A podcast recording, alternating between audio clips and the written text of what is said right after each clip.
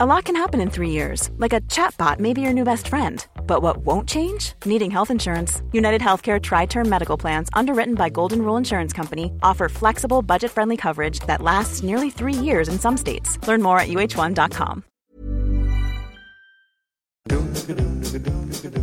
Ah, luisteraars. Mooi dat wij jullie op een of andere manier toch weer kunnen bereiken. Want tijdens deze podcast, genaamd de derde helft, nemen wij jullie gedurende 45 minuten mee door het afgelopen Eredivisie weekend. Het laatste fluitsignaal van Feyenoord Vitesse heeft inmiddels geklonken. Wat betekent dat het tijd is voor bier en bitterballen. Dus de derde helft. Klimmetje warm hier aan. Hey, hey, Klim, hey. Ja, het is warm hier aan. Het is snikheet. Sniet, hè, hè. Snikheet. Rustig. Ja, ik... Einde van 20 jaar studiosport. Hè.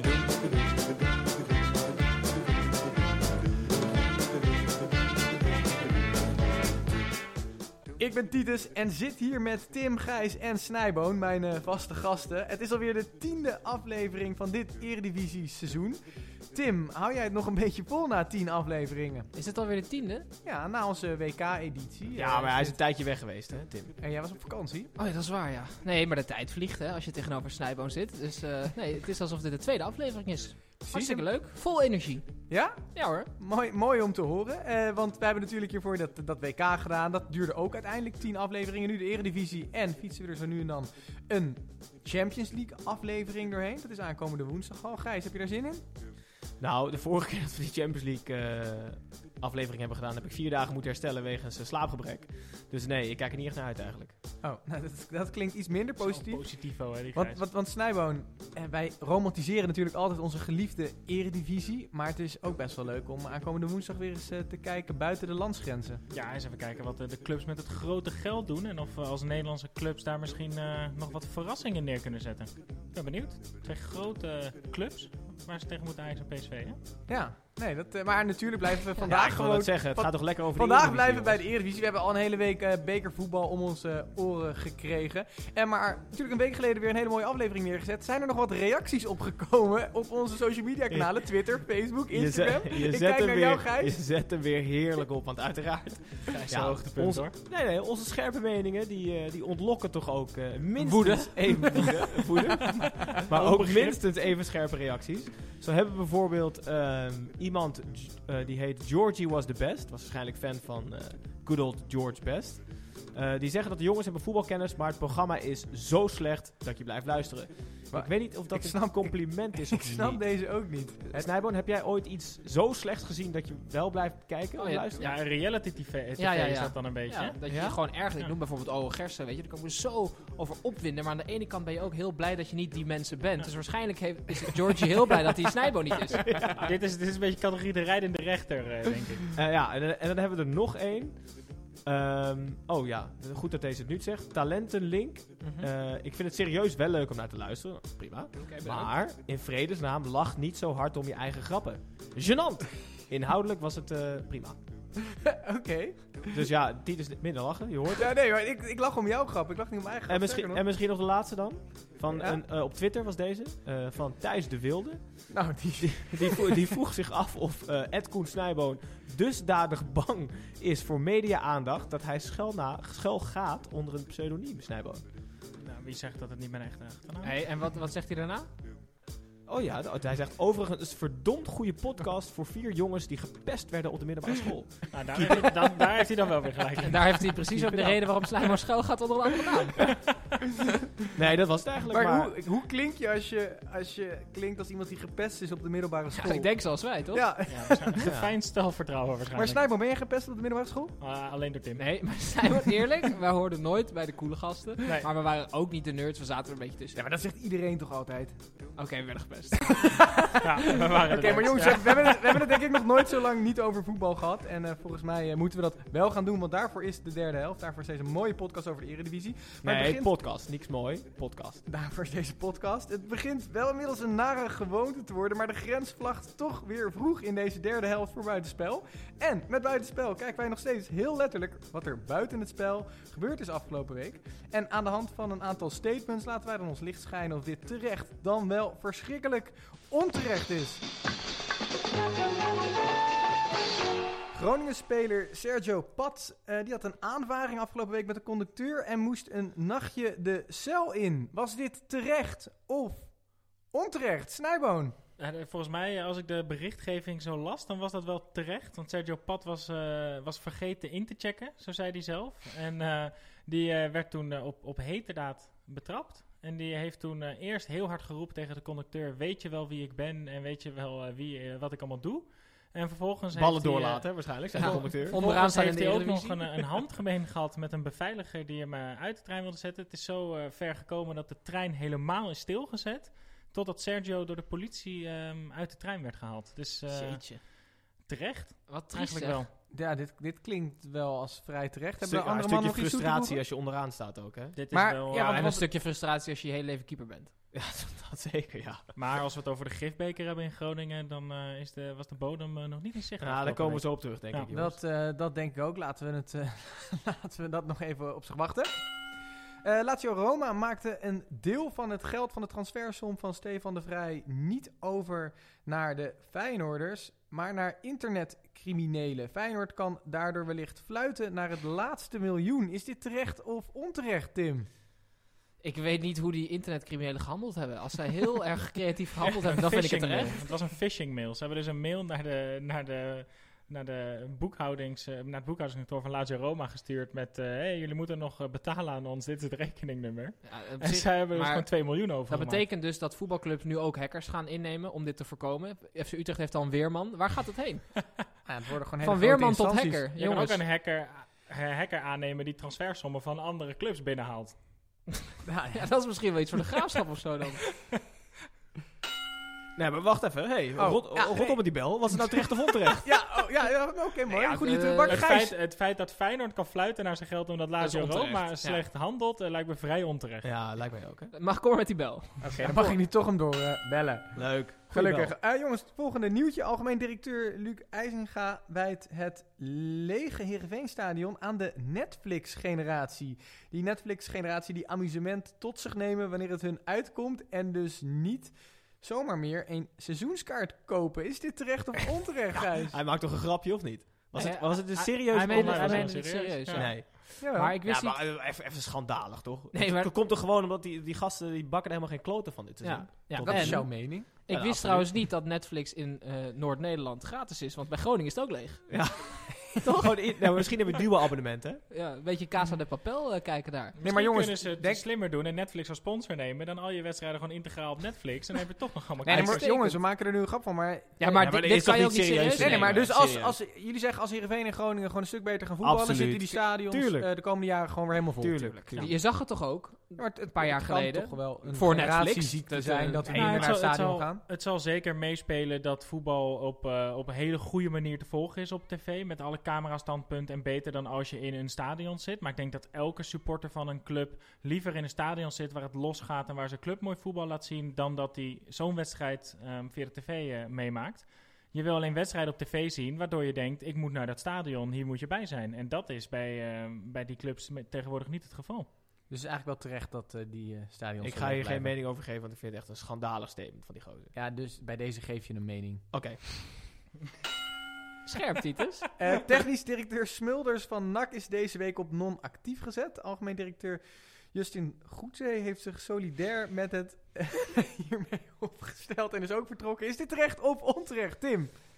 Ja, ik, ik weet niet wat, die, wat voor rol ze hebben gespeeld. Maar NAC gaat in één keer heel slecht. En dan gaan ze weg. Dus Hij ik- was de man die verantwoordelijk was voor het technisch beleid, dus het spelersaankoopbeleid van NAC Breda. Is het terecht dat hij nu niet meer bij nee, NAC Breda vind zit? ik, vind ik onterecht. Want ik vind niet dat je het na zeven wedstrijden al kan zeggen. Ja, sorry. Ik vind het een beetje raar. Maar als je naar die selectie kijkt, dan is het toch wel terecht dat degene die ik snap dat hij weg wil.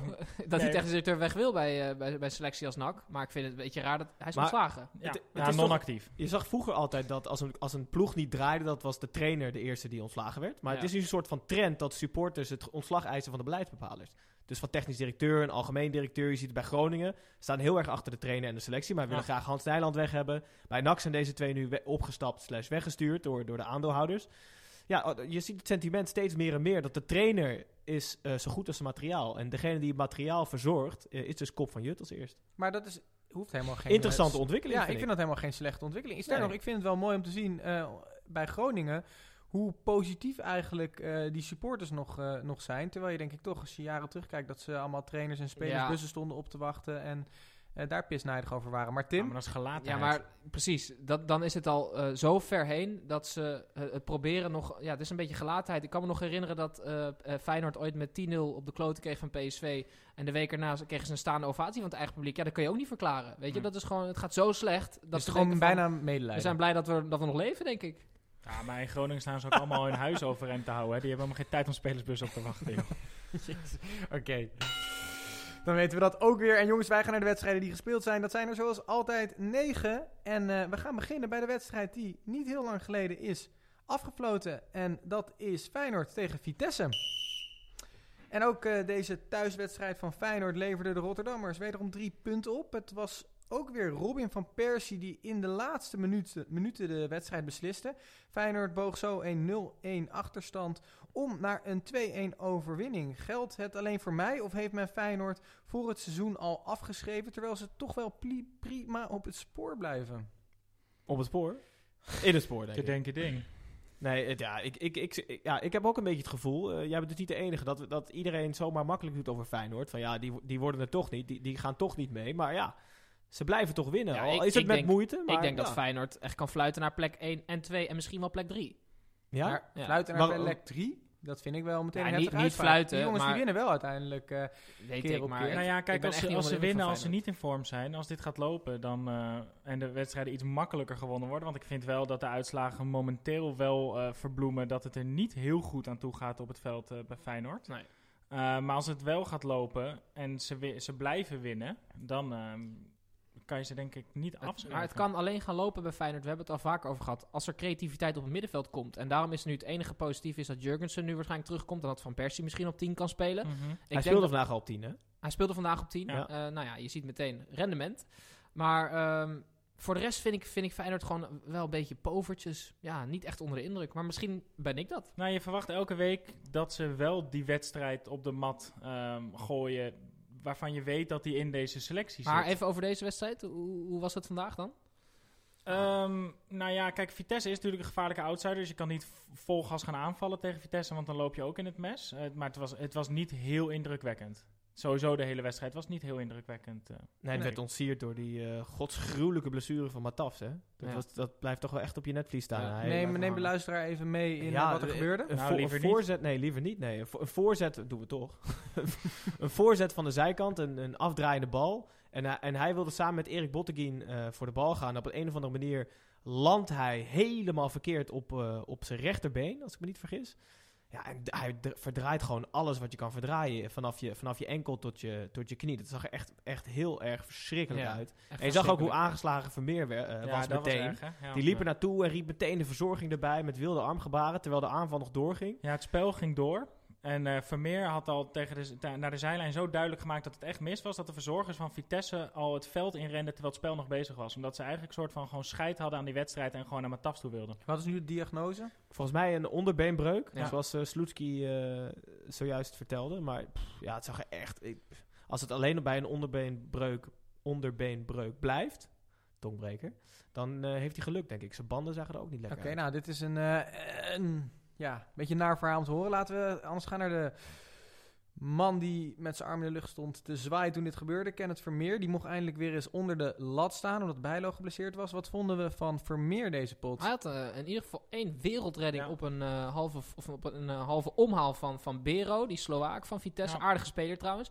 Maar ik vraag me nu dan toch af, heeft Van Bronckhorst... Ja, opportunist als ik ben, hè, ik gooi hem even in de groep. Mhm. Heeft Van Bronckhorst niet te snel voor Bijlo gekozen? Nou ja, ik, ik, ik, ik snap sowieso al niet wat er de hele tijd met Van Bronckhorst en Vermeer aan de hand was. Want eigenlijk was het de hele tijd, oh, het gaat dus Vermeer en een andere keeper, het wordt die andere keeper.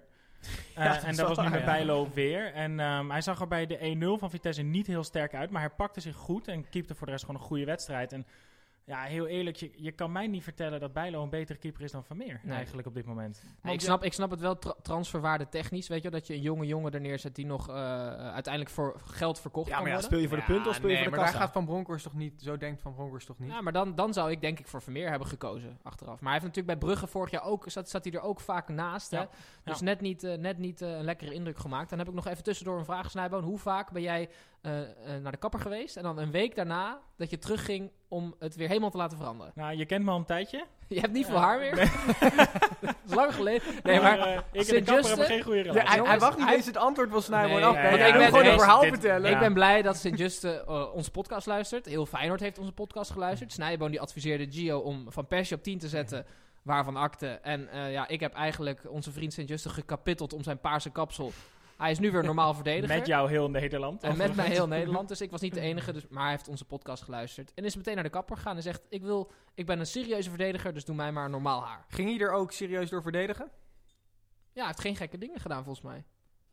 Niet heel bewust op gelet, maar ik ben vooral heel tevreden met zijn kapsel. Maar eh, we, we hebben net tijd over Vermeer gehad, maar ik ben eigenlijk wel heel erg benieuwd naar die andere Ja, top. kro- krokettenvanger. Wat ben ik blij dat je deze nog even erin gooit. Over wie hebben we het? Ja, over de Keeper de keeper van Vitesse. Vitesse natuurlijk. Eduardo.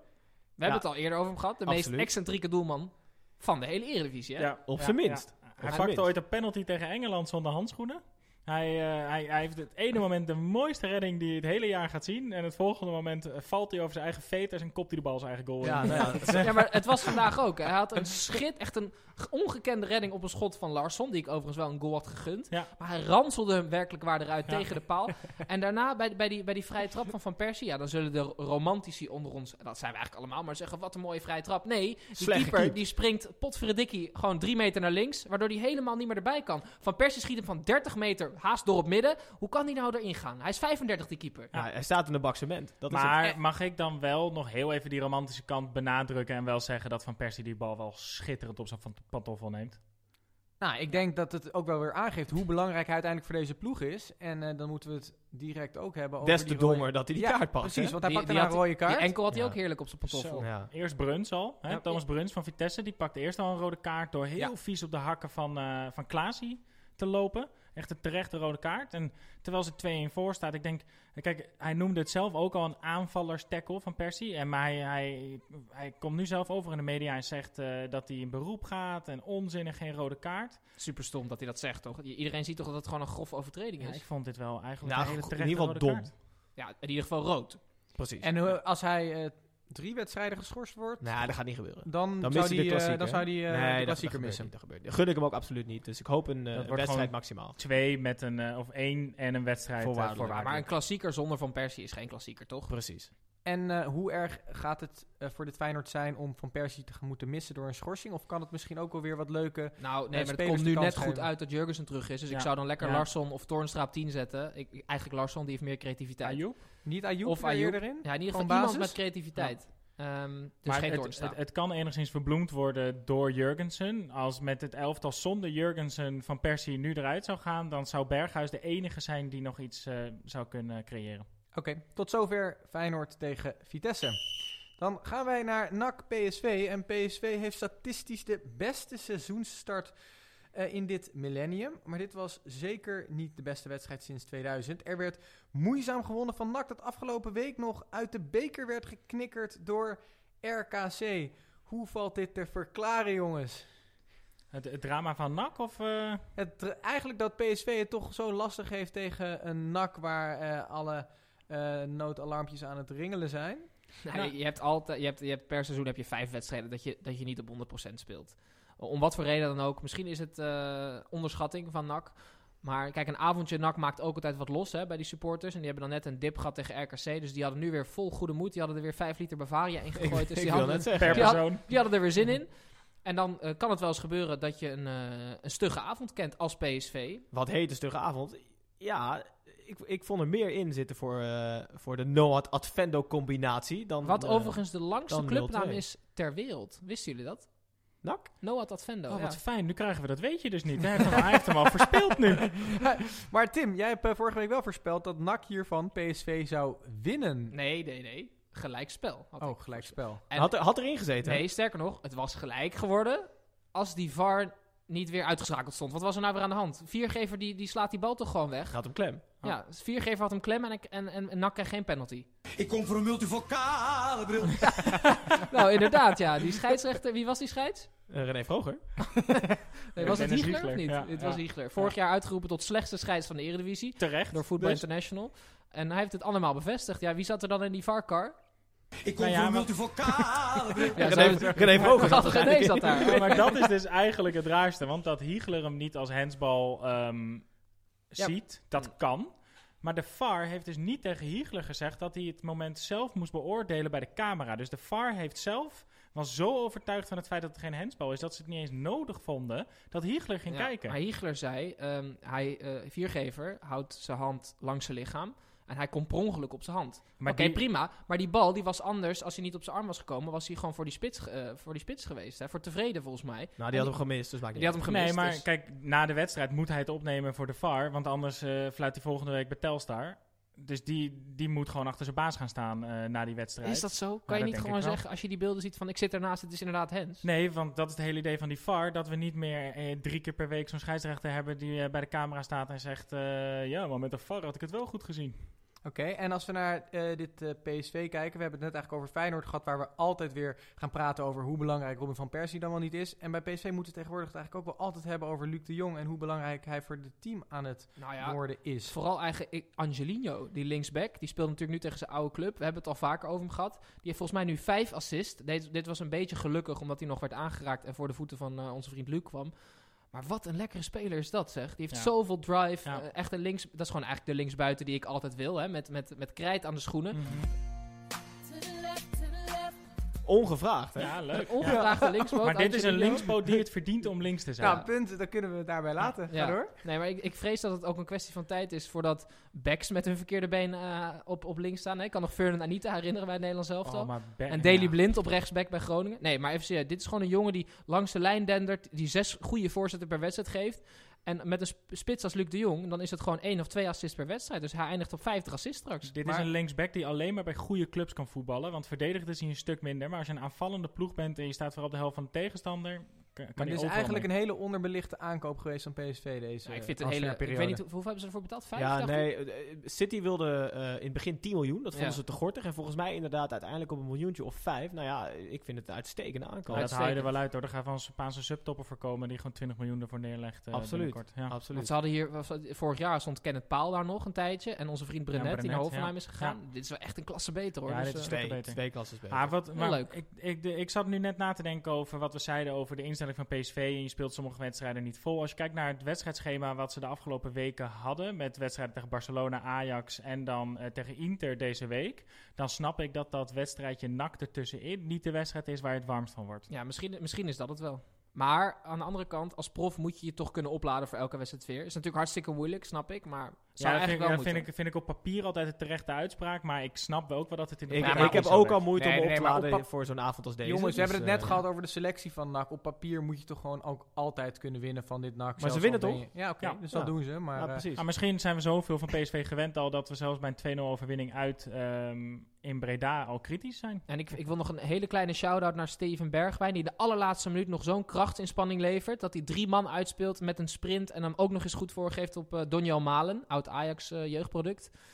Prachtig. Ja, bewijst eh, des te meer dat het tot nu toe zijn seizoen is. Oké, genoeg over PSV. Wij gaan door naar Fortuna Ajax. Fortuna maakt het PSV eerder dit seizoen eigenlijk ook al lastig. En nu ook de big spenders uit Amsterdam. Want die hadden het zeker niet makkelijk. Na de 0-1 van Dolberg ging de 1-1 eerder in de lucht. Het werd echter 0-2 door Ziyech. En eh, dit was wat Lasse Schöne daarover zei. Nou, lekkere drie punten. Eh, dat was wat nodig was na, na zondag natuurlijk. En ehm, ja, ik moet zeggen, eh, bij Vagen deden we het prima. Maar ik vond ook dat, dat wij, eh, nou, vooral de eerste helft, wat we slordig waren in de eindfase. Waar we een paar keer wel goed uh, gevaarlijk in de 16 kwamen. Maar de laatste pas was net niet goed. Ook eh Fortuna, denk ik, eh probeerde druk te zetten, probeerde te voetballen. En ja, dat is wel, nou, daar hou ik wel van. Vind ik wel mooi om te zien. Ja, want ik vind het eigenlijk wel interessant dat eh Schöne hier meteen wat lof geeft aan, aan Fortuna. De kenners die schaarden Fortuna toch eigenlijk al in het uh, rechterrijtje en rijp voor degradatie voordat het seizoen überhaupt begonnen was. Wat denken we daar nu over? Ondanks dat ze natuurlijk nu toch verliezen met 0-2 van Ajax. Er zit gewoon een heel goed systeem in, dat, eh, in die ploeg. Ze weten gewoon heel goed wat ze doen met die snelle jongens om die balvaste spits heen. Met middenvelders die proberen aan te sluiten. Dus het idee is er wel. Uh, ze verliezen gewoon veel wedstrijden, denk ik, op, op, op persoonlijke nee, ja, maar het is, het is altijd voor die kleinere clubs zo makkelijk. A, om je op te laden tegen Ajax en PSV. En B, om te voetballen, omdat je gewoon veel ruimte krijgt. Zeker omdat Ajax en PSV naar voren stappen. Dan heb je dus ruimte achter de verdediging voor snelheid. Deze ploegen krijgen het altijd heel moeilijk tegen eh, of mede, mede promovendi of tegen ploegen die tussen plek 8 en 13 gaan spelen. Want die gaan niet zo aanvallen. En dan Ja. moet je het dus kapot spelen. Ja. En daar voor- gaan ze dus heel erg veel moeite mee hebben. Ja, Dus, eh, ja, het is lastig, ik, maar ik denk niet dat ze he- heel veel hoger dan plek 14 eh, zullen eindigen. Nou, bij plek 14 zou voor hun al Ja, prima. zijn Champions League winnen. Maar Fortuna Sittard is natuurlijk wel een verneukeratieve naam. Want je denkt, ah, Fortuna uit altijd eh, makkelijk. Mhm. Maar ze hebben gewoon echt best wel aardige spelers. Hè? Ik bedoel, Ja. Mark Diemers, die, hebben ze, die, die, die kon naar NAC, maar die is naar Fortuna gegaan. Ze hebben Nou, daar dat is een wereldspeler, dus als Nee. je naar NAC kon. Nee, maar ja, Ja, die was nee, nou ja. hij heeft vorig jaar gewoon echt een heerlijk seizoen gedraaid in die verschrikkelijke keukenkampioen-divisie. Maar, en, die, en Fortuna heeft een, een Turks eigenaar die hem eh, wel wat te besteden heeft. Dus die hebben echt wel wat aardige jongens. Die eh, Semedo, die geblesseerd uitviel, Mhm. die eh, kon naar West Bromwich Albion bijvoorbeeld. Hè? Dat is gewoon, een, volgens mij is dat championship. Ehm, en dat zijn gewoon hele aardige spelers, snap je? Dus, Ja, maar die is toch niet voor het salaris gebleven, Tim? Hij, Die dat is leuk dat je die bij, bij die Semedo eh, stilstaat. Nee, hij is want, afgekest eh, op een dat werkvergunning. bedoel ik. Dat. Die Semedo, mijn broer die belde mij over die Semedo, dat hij hem eh, vond lijken op iemand. Op, Michael Jackson? Er, zijn geen, er is geen hint die jou ontgaat. Nee, René Vroger. Nee, maar jongens, kennen jullie... eh, er was eh, begin jaren 2000 was het volgens mij een, een nummer van een eh, R&B-zanger die in een wit pak salto's maakt over het strand en Elton zingt, John? zingt over, over het ondergoed van de dames op het strand. De Tong Song van Cisco. Was dat eh, Zeker, met eh, stond nog een pam, pam, pam, die? Precies die. Heerlijk. Ja. Mooi. Ja. Maar die, pam, die, pam, pam, die? die heeft dus dezelfde kapper als Lisandro Semedo. En ze, ze kijken soms ook nog eens hetzelfde. Eh, mijn broer eh, stuurde mij twee foto's door. En eh, die vond ik toch wel erg op elkaar lijken. Dus ik dacht, die neem ik deze week mee als een lookalike. Oh, inderdaad. Ik, ik, ik dacht al, jij gaat natuurlijk eh, doelen op de lookalike. Eh, Ja. Kan je nog één keer uitleggen wat dat rubriekje precies is voor de nieuwe luisteraars, Snijboon? Nou, de lookalike is eentje die we elke week eh, meenemen. Dat is als een speler of trainer of iemand die actief is in de eredivisie zo erg lijkt... Ook al is het mijn verste verte op een ander bekend iemand. Denk aan eh, Ryan Koolwijk en Roger uit American Dad. Dat is ongeveer het kader wat er is. En als, eh, als iemand op iemand anders lijkt, dan eh, nemen we die mee. Oké, top. Heel kort nou, zo, zo ook nu weer. En die kan je natuurlijk vinden op onze Instagram-account, Twitter en Facebook. Maar weer even terug naar die wedstrijd. Een gouden wissel voor Dolberg. Die scoort meteen bij zijn eerste balcontact. Moet hij binnenkort niet gewoon in de basis staan? Ik denk dat hij uiteindelijk, als hij fit is, wel gewoon de eerste spits van Ajax is. Ik denk dat Huntelaar, eh, toen hij in het begin naar Ajax kwam, was hij ook tweede spits. Daar was hij akkoord mee, dat hij als invaller ehm Dolberg het moeilijk zou maken. Alleen Dolberg werd geblesseerd, raakte geblesseerd, kwam in een vormdip. Dus Huntelaar is eigenlijk, eh, ja, eigenlijk eerste spits geworden. Maar als Dolberg weer volledig fit is, is hij toch weer ja, de klasse, klasse van hem afdruipen. hij, Dus, eh, hij oogt met de invalbeurt ook wel weer fitter. Eigenlijk. Fitter, Ik vond ja. hem nu, eh, Ja. nu ook weer goed invallen bij die goal. Loopt hij heel mooi zijwaarts vrij, zodat er ruimte ontstaat. En omdat de verdediging terugstapt, heft hij zelf eigenlijk het buitenspel op. Ja. Dus eh, hij oogde weer wat frisser, ook weer deze keer dan de voorgaande keren. Ja.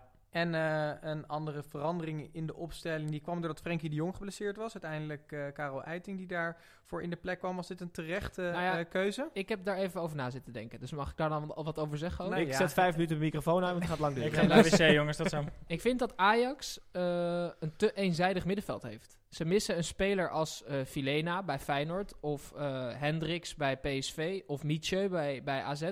Eh, Een, een mannetjesputter, een Eno, een Anita, die ze vroeger wel hadden.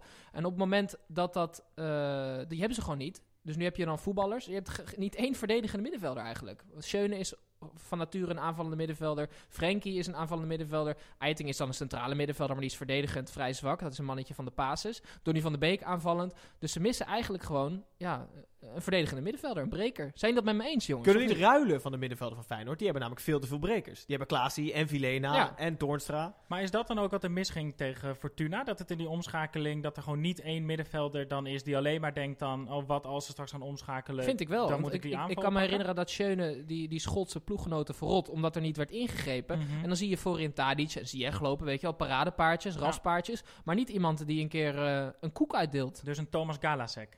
Nee, nou ja, dat is misschien... ja, ik, ik bedoelde meer eigenlijk een E-jong Eno. Maar, ehm, maar zijn je het met me eens of niet? Want ik vind het gewoon niet echt Ja, in Ik balans vind op het een middenveld. interessante spelling. ja, ik denk, ik denk dat dat eh, misschien wel het probleem is waardoor Ajax zoveel kansen weggeeft. Want eh, laten we heel eerlijk zijn, er was maar één man of the match aan de kant van Ajax tegen Fortuna. En dat was... eh, Die special one, inderdaad. Dat was André Onana, denk ik. Maar Zeker, als Onana ja. bij een uitwedstrijd in Sittard je man of the match is... dan moet je je toch wel achter de oren krabben over wat je 90 minuten hebt gedaan. Ja, Ja, maar het klopt wat, wat jij zegt, Gijs. Ajax mist gewoon een Feyenoorder op middenveld. Ja, maar dan moet je nog meer achter je oren krabben als je toch in de bus of in het vliegtuig naar München moet dinsdag. Want dat wordt wel een hele taaie zonder Ja, verdedigend dat, wordt, dat wordt wel eh, een probleempje. Masraoui was ook weer matig, hè? op Ja, die Becky. leek al met zijn hoofd bij eh, Ribéry. Maar goed, Maar die André Vidigal en die Lamproe, dat waren twee wissels van Fortuna, die kwamen erin. Waren leuke vleugelflitsers. Ja, en leuk, en die, ja. die creëerden kansen en er gebeurde wat. Die zullen waarschijnlijk niet vanaf het begin kunnen spelen. Het zijn echt typische invallers, maar heel leuk. Ja, maar leuk spelers om erin te kunnen brengen als je iets moet forceren. We Zeker. gaan, eh, we gaan zien hoe dit gaat uitpakken tegen de Duitsers, tegen Bayern München. Aankomende woensdag als wij weer, omdat het Champions League is, een tweede aflevering van de week opnemen. Woensdagavond laat die bij jullie op donderdagochtend in de, is het, podcast store verschijnt. En wij gaan eh, eh, het hierbij laten voor deze wedstrijd. En wij gaan naar de wedstrijd waar wij elke week zo willekeurig om dobbelen met onze geliefde dobbelsteen hier aan tafel. En eh, dat is namelijk die wedstrijd van de week. De wedstrijd van de week. Niet de dagen van, niet het broodje van, maar de wedstrijd van de week. Zelfs niet de werknemer van, maar de wedstrijd van de week. Ja, en die wedstrijd van de week, dat was dit keer AZ tegen PEC Zwolle. AZ was 90 minuten lang de betere ploeg en kwamen twee keer op voorsprong.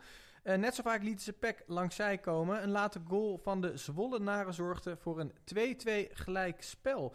AZ leek sterker, maar deed daar weinig mee. Is dit een eh, terecht of dan misschien wel heel onterecht gelijk spel? Ik kijk naar jou, Tim. Jawel, wel terecht. Ik vond het niet echt een leuke wedstrijd, heel eerlijk gezegd. Ehm, weer niet hè. Het is een beetje een terugkerend thema. Het dobbelen slecht. Ja, we dobbelen echt heel Ja. slecht. ja. Maar Tim? Nou ja, ik, ik- AZ, ja, die waren de eerste helft waren die wel iets beter. Eh, Ricardo van Rijn, die had volgens mij de meeste schoten op goal. Maar dan vooral naast de goal, dus niet Ja, echt ze goal. begonnen echt goed, ja. Ja, maar ik, ik- wat vind je van die Van Rijn? Ik vond dat hij wel heel veel opeiste in aanvallend opzicht. Dat ik dacht, is Ja, dit nou ja. wel jouw rol? Nee, dat klopt wel. Hij had een paar keer inderdaad dat hij voor eigen succes ging. Dat er iemand op links er beter voor stond. Bijvoorbeeld de, onze vriend eh, Idrissi van AZ. Dat is een jongen die uit de jeugd van Feyenoord komt. Is daar weggestuurd. Zou een moeilijke jongen zijn geweest. Ging toen naar Groningen. Ja, is daar eigenlijk ook te makkelijk weggegaan, vind ik. En die bloeit helemaal op eh, bij AZ. Snijboon, wat vind jij Ja, ervan? ik, eh, toen, toen, toen het ging over Ricardo van Rijn en dat hij zo vaak op goal schoot, dacht ik eraan. Dat is omdat Ricardo van Rijn is natuurlijk een rechtsback. En bij AZ mogen hij en Svensson eigenlijk de dienst uitmaken op rechts. Die spelen dus eigenlijk met z'n twee op die flanken, mogen dat zelf invullen. Maar elke keer als Van Rijn bij de goal komt, staat hij daar als een rechtsback die maar één keer per wedstrijd bij die goal komt. Dus denkt, ah boeien, ik ben er nou toch, dan schiet ik maar op goal. maar als je dat zeven keer in een helft doet, Ja. dan is het opeens heel raar. Maar elke actie die hij vooruit maakt, Maar, maar heeft AZ manier. geen, geen andere rechtsbuiten dan die, hoe heet die Svensson van zijn voornaam? Jonas of zo? Jonas Svensson, ja. Ja. Eh, hij moet nu rechtsbuiten staan. Hij heeft totaal geen passeeractie. Een redelijke voorzet, maar hij moet er echt komen. Dus hij kan geen mannetje uitspelen. Maar hebben ze niemand anders dan? Ik denk dat ze heel kan erg daar spelen. Boadu kan daar spelen. eh, nou, nu niet waarschijnlijk. Nee, nu niet. daar maar- wel, maar heel slecht. Ja. Seuntjens kan daar eventueel spelen. Dat wil ik ook nog wel even. eh, eh, onze vriend Johnson. Björn Johnson, die we ooit vergeleken met een standbeeld op Paaseiland. Ja, Björn Johnson. Kijk, dit zijn de wedstrijden dat hij kan laten zien. Weet je wel, ik ben de eerste spits. Ik ben gehaald voor, ah, wat was het, anderhalf miljoen, 2 miljoen van ADO. Dan is een, een, een wedstrijd tegen PEC eigenlijk bij uitstek de gelegenheid om er één, misschien twee binnen te knikken. En hij wordt nu vijf minuten, zes minuten naar rust gewisseld voor Mats Seuntjes, wat gewoon een middenvelder is. Dat is eigenlijk misschien wel een, een motie van wantrouwen van de trainer. Maar had jij dan verwacht dat hij er wel 20 in zou, in zou schieten? Helemaal niet, maar het is alleen maar een, een kritische noot. Want ik ben helemaal geen fan van Johnson. Ik, Ik heb ook gezegd dat, dat hij niet gaat eh renderen. Maar hij vindt onze podcast ook niet helemaal. Nee, ja, maar Gij, ik ben hier niet om een gelijk te halen, maar ik, ik vind alleen... Dat, Nou, dat is eigenlijk, nee, ik ben hier eigenlijk wel om een gelijk te halen. Hé, hey, maar jongens, schijnt dit zonnetje weer een beetje in, eh, in Zwolle? Oh, dat is een heel ander onderwerp. Ja. Maar Ja. ze hebben Hoe, is het weer daar? Nee, nee, maar het, het, het gaat iets Het gaat iets beter. ja. Nou ja, ook, het houdt ook niet helemaal over. Volgens mij hebben ze... eh, vorige week hadden ze de Champions League gewonnen bij Emmen. Hè? De eerste Mhm. drie punten in, in tijden. Volgens mij hebben ze midweeks eh, net met één doelpunt verschil gewonnen van een amateurploeg. Maar goed, wel door. En nu is een puntje in, eh, in Alkmaar. Snijboom? Redelijk. Ja, ze, ze, kregen, ze kregen gewoon waar ze voor kwamen. Eh, vanaf het begin al eh, gewoon achteruit zakken. Alleen met een counter eruit met die snelle jongens. En eh, ze hadden eigenlijk het eerste half uur niet heel veel in te brengen. Maar toen kwam eh, ja, voormalig bekend als betonnen rond, tegenwoordig kartonnen rond. die, die gaf de bal mee. Dus we mogen niet te hard Duinen. lachen, anders Nee, krijgen we oh weer feedback. shit, sorry. Maar, ja, Leuke, nee. leuke grap wel. Maar eh, Van Duinen geeft een mooi mee aan Van Krooi. Die maakt eigenlijk de eerste kans af die Zwolle krijgt. En AZ staat daar na die goal zo van... Hè, shit, eh, we hadden al 4-0 voor kunnen staan. Het is voor, voor John van Schip en voor Pek Zwolle eigenlijk gewoon wachten op Younes Namli. Dat is eh, bij- echt by far de allerbeste speler die ze hebben. En hij is nog niet, het is nog niet zijn seizoen. Nee. Vorig seizoen blonkt hij wel uit. En als hij gaat lopen, dan ga je zien, en dan, dan stromen die punten binnen. Ja, maar die gozer heeft net zo weinig re- rendement als wij. Vorig jaar niet, ja, dit jaar nu wel. Ik heb ook best veel rendement hoor. Heeft hij vorig jaar wel... eh, Ga je serieus? Hij is, eh, Genoa wilde 3,5 miljoen voor hem betalen. ja, omdat hij lekker dribbelt, hè? Eh, het is gewoon een hele leuke voetballer. Dat ben ik met je eens, maar ik heb hem nog nooit eh, meer dan vijf doelpunten zien Nou, maken. dan kom Maar ik je- volgende week met die statistieken van Younes Namli. Goed. eindklassering af laten hangen van de vorm van Younes Namli lijkt me ook een zeer risicovolle Ja, als het je beste speler is, niet. Ik, eh, ik ga jullie onderbreken. Deze Nee, discussie zetten we Nee, nou de- zo. We zijn nu lekker Volgende bezig. Jongen, jongen. Want wij gaan door naar eh, eh, iets anders. En niet meer naar een wedstrijd, maar naar een... Nee. Oh, shit, dan vergeet ik het weer. Ja. We moeten eerst nog dobbelen voor een nieuwe pot. En, en gauw. Gijs, zit ga er je weinig doen. bij, maar Wat- als je dan scherp bent, ben je ook scherp. weet je, Ja. ja, jongens, We ik- hebben, we hebben, wat hebben we allemaal op het eh, programma staan voor volgende week? veel, Ik, eh, negen pak wedstrijden. Pak er even bij. Zwolle gewoon- tegen Excelsior. eh, PSV, VVV. Graafschap, Heerenveen. Willem II, Feyenoord. Nou, hup, gooien. Ajax, AZ. Ajax. AZ. Ik ga hem eerst, Heracles. ik ga eerst even schudden, zodat Ja. iedereen weet dat het echt dobbelen. Dat is een soort jatzee. ik mag ook echt niet meer sorry. Wat, dan? Wat is Hij het? ligt, hij ligt op het duel der promovendi. Nee. Ja, Niet weer. Oh. ja sorry. Nee, Nou, ja, jongens, ik kan er niks anders van maken. Ja, dan gaan we er weer lekker voor zitten, toch? Emmen Fortuna. Zondag om kwart over twaalf. Eh, Jongens, onderhand misschien- wel een beetje promovendi moe, maar we gaan er weer tegenaan. Dat Precies, betekent het blijft de bij jou, en daar is alles mooi. Jongens, gaan we nu wel echt door. Eh, want, zoals altijd, neemt Tim weer voor ons een beetje mee wat wij niet willen weten. Tim heeft dat je niet wil weten. Oh, en Tim, dat weet je. Maar ben toch benieuwd, dus gooi het er maar uit. Ja, voordat, voordat die gozer weer 18 minuten het woord neemt, wil ik snel even een shout-out eh, doen naar Oscar de Jonge. Die had namelijk gereageerd op onze Instagram-story. En hij vroeg zich af, welk liedje is ook alweer de, de Weet je wat ik niet wil weten tune? Snijboon, weet jij wat origineel van dat liedje? Ik ben hem nu even kwijt. Maar hij kijkt, ook, hij kijkt wel weer uit naar de nieuwe aflevering, zegt hij. Dus dat is goed. Oscar, re- maar... ready or not, of niet? Eh, nee, ik weet niet. Nee, het komt is, hij vandaan, eh, jongens? nee, het is- Oscar, Oscar, we komen bij je Nee, terug. nee, ik, ik, ik weet het wel. Maar wij, wij maken natuurlijk alleen maar zelf geproduceerde liedjes. Absoluut. Dus wij Maar precies, Waar lijkt hij op? Waar Hij lijkt hij op? Hij, lijkt op eh, Let. Me Love You van Mar- Mario. Ah, oké. Dus dat is waar hij op lijkt. Maar natuurlijk is hij helemaal zelf eh, Absoluut. ingespeeld. Maar eh, wat, ik, we- wat, wat ik me dan afvraag, wordt hij nou elke week echt langer, die jingle, of niet? Zo lijkt het wel. Nee, maar het weetje van Tim zeker wel. Ja, maar Eh, dus laten we snel ermee beginnen. toch? Een heel lange intro voor een heel lang weetje. Kom maar door. Dit is een weetje waarbij de Ajaxiden even hun vingers in den oren moeten stoppen. Want dit is het weetje waarom PSV kampioen gaat worden dit jaar. Kom maar door. Ja, daar komen we. Pauken. Eh, PSV wordt kampioen omdat Mark van Bommel daar trainer is. En eh, ik heb even mijn journalistieke onderzoek gedaan. Sinds 2000 zijn er 18 Eredivisie-titels verdeeld. Daarvan zijn 12 behaald door een trainer die aanvoerder is geweest van het Nederlands elftal. 12. Dus dat is twee derde. Dat zijn Frank de Boer, Koeman, Giovanni van Bronckhorst. eh Markie van Bommel is, is nu trainer, Philip Cocu. En Erik Gerets was in 2000, die is aanvoerder van de Rode Duivels geweest. Dus we hebben aanvoerders van nationale elftallen. Die zijn ehm, trainers. En waarom is dat? Eh, een trainer is verantwoordelijk voor, ja, over het algemeen over twee om. Ik zie Gijs gapen en iets anders doen. maar, het, is toch, het is toch echt waar ook? nee, maar, Gijs, blijf luister, bij de les. dit dit is misschien nog heel even leuk om te zeggen. Ehm, eh, ja, nu ben ik het kwijt. nee, ja, nou, het is wat ik Sorry. sowieso. Ja, een trainer, nee, een trainer is verantwoordelijk voor twee dingen: het tactische aspect. En ik denk ook het mentale gedeelte. En het mentale gedeelte is opladen van de spelers, motiveren. En ik denk dus dat toptrainer of topvoetballers eh, als trainer eh, daar beter in zijn dan bijvoorbeeld een Erik ten Hag. Ehm nou heb ik nog een ander weetje, dat zit erbij. Ah, toch weer Wat heel toevallig is, jongens. eh, Giovanni van Bronckhorst is de opvolger van Koeman.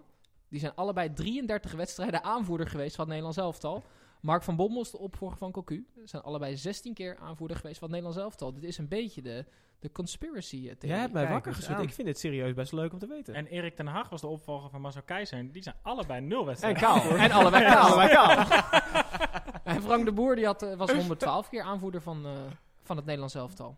Nou, Tim. Maar jij bent dus van mening dat een eh, goede voetballer automatisch een betere Maar coach daarom maakt. zijn die jongens ook zo snel hoofdtrainer. Snap je? Eh, ze gaan van de A1 in één keer naar een eerste ploeg. Eh, dat was bij Frank de Boer zo. Dat was bij Cocu zo. Die waren dan assistent bij Van Bronckhorst volgens mij ook, toch? Of Van niet? Bronckhorst was wel heel snel doorgeschoven. Bijna zelfs van speler direct. Dus ik denk dat als jij topvoetballer bent geweest... dan word je kampioen in de Eredivisie. Dat is eigenlijk het weetje dat jullie niet willen Nou weten. ja, dus bent PSV, geweest. jongens, PSV gefeliciteerd. Zo, bij, Kunnen we zeggen, deze. toch? Ehm, Een stukje matchfixing ook nog. stu- stukje, stukje matchfixing. Maar eh, daar komen we trouwens pas later bij in deze uitzending. Tim, dankjewel voor dit weetje. Graag gedaan. Wij pakken hem door naar die overige wedstrijden die gespeeld zijn. en eh, een van die wedstrijden is Excelsior tegen VVV. Dat werd eh 1-0. El Hamdoui maakte zijn lang verwachte debuut. Eh, was dit het hoogtepunt of gebeurde er nog iets meer in deze wedstrijd, Tim? Nou, ik... Ja, ik, Ja, lekker. Lang niet gehoord, Tim. Ga steek van wal. De trainers... Nee, nee, oké, daar komt hij. de heerlijke solo van. Ja, leuk. Heel even kort over Ja. deze wedstrijd. Het was een genia, een IJslander die daar nu eh, bij Excelsior zit. En het hoogtepunt was dat Ralf Seuntjes, die ging in de achtervolging. Ja, dat dus er dat, is ja. hoop voor alle vijfde klassers en veteranen. Je kan nog in de eredivisie mee. Want als je Ralf Seuntjes daar ziet lopen en uitgekapt ziet worden... Oh. Dat, dat lijkt wel op mijn, eh, ja, mijn, mijn oom. Die had- ook- ja, had en die is over de ook- 70. Hij had echt een kast op zijn rug, hè, die Nee, Ralf. dat was niet normaal. ging. Hij werd alleen door de... Het was dat die boarding er was, hè? Anders was hij zo recht door het stadion uitgelopen. Wat een eh, gedegen analyse over deze wedstrijd. Ja, Laten maar we verder maar was er niks aan. doorgaan. Eh, naar Heracles Emmen, dat werd eh, 2-1. Heracles wint voor de vijfde keer op rij, waarvan vier keer in de eredivisie. Wat is het geheim van de ploeg uit Almelo? Snijboon. Het geheim van de ploeg was te zien in het eerste half uur. Daarin speelden ze fantastisch voetbal. Heerlijk Creëerden ze ja. kans na kans. Maar vooral omdat ze geen rare dingen deden. En dat zei ook uh, Wormoed na de wedstrijd. Die zei na een half uur ging het fout. Omdat de spelers zichzelf beter gingen vinden dan dat ze daadwerkelijk zijn. Ze zochten te moeilijke oplossingen. En zo goed zijn ze niet. Hmm. Ik vind dat wel een reële trainer hoor, trouwens. Ik, En- eh, ik begin steeds meer fan te worden wel eigenlijk. Als je ook bekijkt wat hij voor spel daar eh, laat zien met zijn ploeg. En dat hij ook nog eens zo realistisch naar het eh, presteren van die ploeg kan kijken. En jongens, Leuk. Christopher Peterson, waar gaat dat heen? Eindigt hij op 40 goals? Die staat nu Zo. in zijn eentje bovenaan de Hij topscorerslijst heeft nu met 8 8, goals. 8 uit 7, hè? Nu al meer dan zijn hele Hey, seizoen. kan eh, eh, kan vorig eh, jaar. Heracles derde worden dit jaar? Ja, nee. Nee, natuurlijk niet. Het kan wel. Nee. Nee, het kan niet. Nou, zijn de regels veranderd? Nee, maar dat slaat nergens op. Gijs? Nee, ik denk, ik denk ook van niet. Ik ben hetzelfde met die gozer eens, die broer van me, maar eh, dit is... eh, Playoff Oké. plekje zit er wel in hoor. Oké. Jongens, gaan we door. Eh, de Graafschap Willem 2, dat werd eh, 2-1 voor de Graafschap met een aantal rode kaarten. Maar we hebben het ook best wel vaak gehad over die voorhoede van Willem 2, waar wij heel erg enthousiast over waren. Is die nou wel zo goed of hebben we die overschat? Ik kijk toch weer naar jou, Snijboon. Ik denk dat we die voorhoede wel een beetje overschat hebben. Er zit natuurlijk wel meer in, maar er zal ook wel een reden zijn dat die jongens allemaal Willem II voetballen en niet bij Real Madrid. Ehm, Nou, Frans Sol heeft bij Real Madrid gespeeld natuurlijk. maar niet meer. Heel leuk. heel Maar leuk. eh, de rest van de wedstrijd, het was wel spektakel hè? Waar was Aras Eusbilis? Want dat is namelijk de beste voetballer, vind ik. Die was geblesseerd waarschijnlijk. Dat zou... Ja, dit is heel zielig, maar, Maar, dat een zal wel, ja. spektakel, zit je te doelen op al het aluminium wat werd geraakt? Eh, de, de aluminium is ik denk het woord van de wedstrijd. Zo, ja. Eh, maar ook rode kaarten te over. absoluut. Ehm, een, een late goal, een vroege voorsprong. Alles eh, zat wel in die wedstrijd eigenlijk. maar goed, wel lekker voor de Graafschap weer eens drie puntjes, toch? Ja, maar 2-1, Wi- Wi- prima. Willem II die, die, die eh, hadden iets genomen, want die hadden de eerste helft hadden ze een rode kaart en de hele verdediging had geel. Dus dat is makkelijk. Ja, heel kort. Ik sprak met een vriend van mij, die is fan van de Graafschap. Daar zei ik tegen, wat vind je er nou van dat de trainer zei dat we een keukenkampioen eh, divisieteam hebben? Toen zei hij, we hebben ook een keukenkampioen trainer. Ja, dat zei ik ook toen. ja. Dan gaan wij naar eh, FC Groningen tegen FC Utrecht. Eh, dat werd 1-1. Groningen ging ondanks het eh, gelijkspel van het veld onder daverend applaus. Hoe erg hadden de Noorderlingen dit succesje nodig, Gijs? Ja, dat is de, de meest open deur die je kan intrappen natuurlijk. En het succesje, ja, een, pu- een puntje tegen FC Utrecht wat met 10 man stond, is een succesje. Maar het zegt natuurlijk alles dat dat gevierd werd alsof zij zich zojuist gekwalificeerd hadden voor... De WK-finale. Precies. Kan je nagaan. Ja, dat Danny heel- Buis, stond juichen. Ja, het mooiste moment was natuurlijk het juichen van Danny Buis. Maar het één na mooiste moment was de maker van het doelpunt. Namelijk eh, Ahmed Mendes Morera. Die is namelijk in de kielzog van Danny Buis meegekomen vanaf de amateurs van Kozakken Boys. En eh, ja, die maakte zijn eerste doelpunt in eh, de eredivisie en dus het profvoetbal. Maar, maar juichte die net zo hard als Danny Buis? Nou, het scheelt niet veel. Maar Ja. dat is natuurlijk wel lekker voor Danny. Weet je, hij heeft hem meegenomen, die jongen. En uitgerekend hij maakt hem. Dus nou, we gunnen Danny Buis wel, toch? Zeker. Absoluut. Nee, wacht even. Je fluitte iets te vroeg. Want ik, het was namelijk weer een rode kaart in deze wedstrijd. Dus ik, ik, ik heb me echt mijn hoofd gebroken over het aantal rode kaarten dat eh, deze speelronde eh, zijn getrokken. En dat bleek dus, eh, ja, de, de het record is gebroken, jongens. Zeven rode kaarten in deze speelronde is het eredivisie-record aller tijden. Echt? Dus ik zat meteen te denken, ja, het is heel vaak het geval dat de VAR ingrijpt en, en, en in de, in de oortje van de scheidsrechter fluistert, het is, het is rood. Dus ja, eh, ik dacht, even vergelijken met eh, vorig seizoen. Vorig seizoen 47 rode kaarten in 34 speelrondes. Daar gaan we. 1,31 gemiddeld per speelronde. Dit seizoen, hoeveel speelrondes zijn we bezig, Snijboom? Zeven. En hoeveel rode kaarten denken jullie dat we hebben? 20. Bijna 18. 18. Dus dat is eh, een gemiddelde van 2,57. Dat is twee keer zoveel als vorig seizoen. Dus de VAR Leuk. zorgt daadwerkelijk voor veel meer rode kaarten. Maar, Oké, dus, René. maar er was dus, eh, het was een, een, een lang verhaal en dan weet je wat ik niet wilde weten. De broers beginnen steeds meer op elkaar te lijken, Ja. Titus. Maar nu fluit ik wel echt om door te gaan naar Heerenveen tegen ADO. Dat werd eh, 1-1. De afgelopen jaren was dit toch een eh, vaste 1 in eh, de voorspelling. Is ADO eh, sterk of is Heerenveen gewoon minder? Heerenveen is minder. Ja, ben ik Die volledig trainer- met je eens. Ja, die trainer is gewoon minder.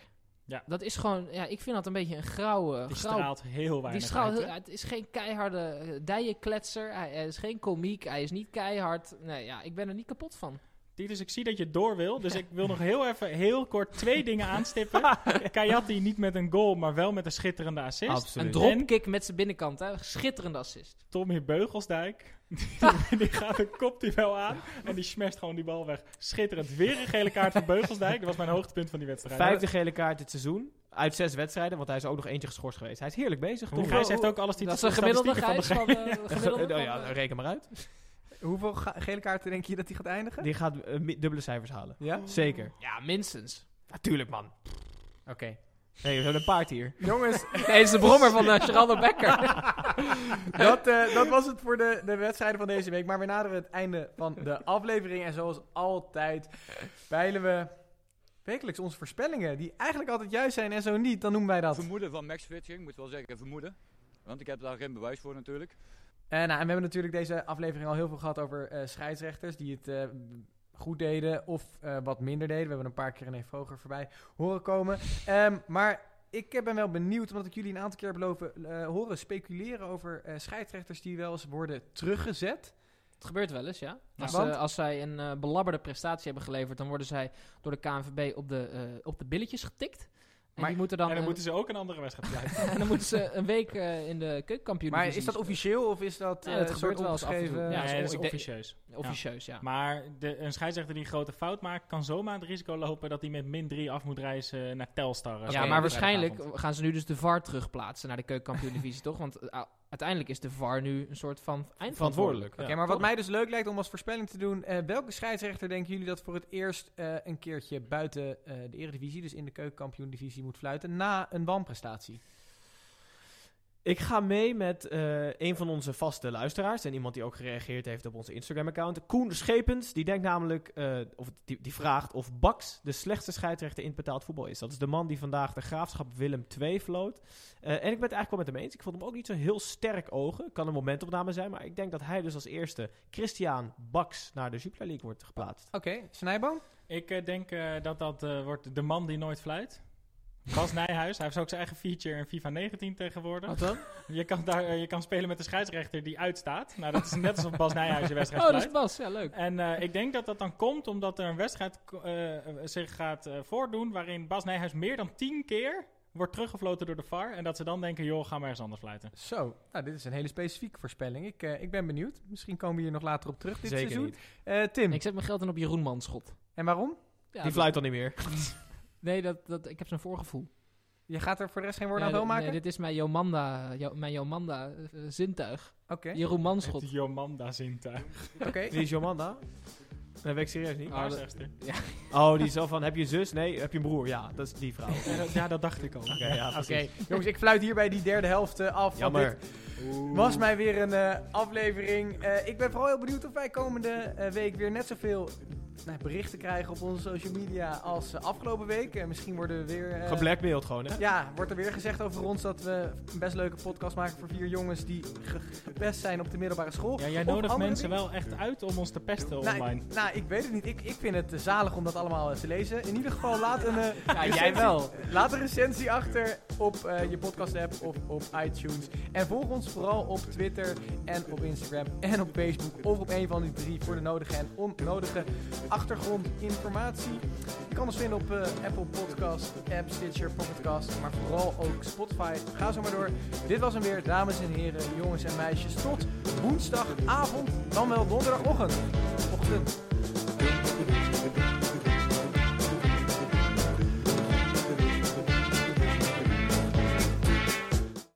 When you save on auto insurance for driving safe with USAA Safe Pilot, you'll feel like a big deal, even in a traffic jam.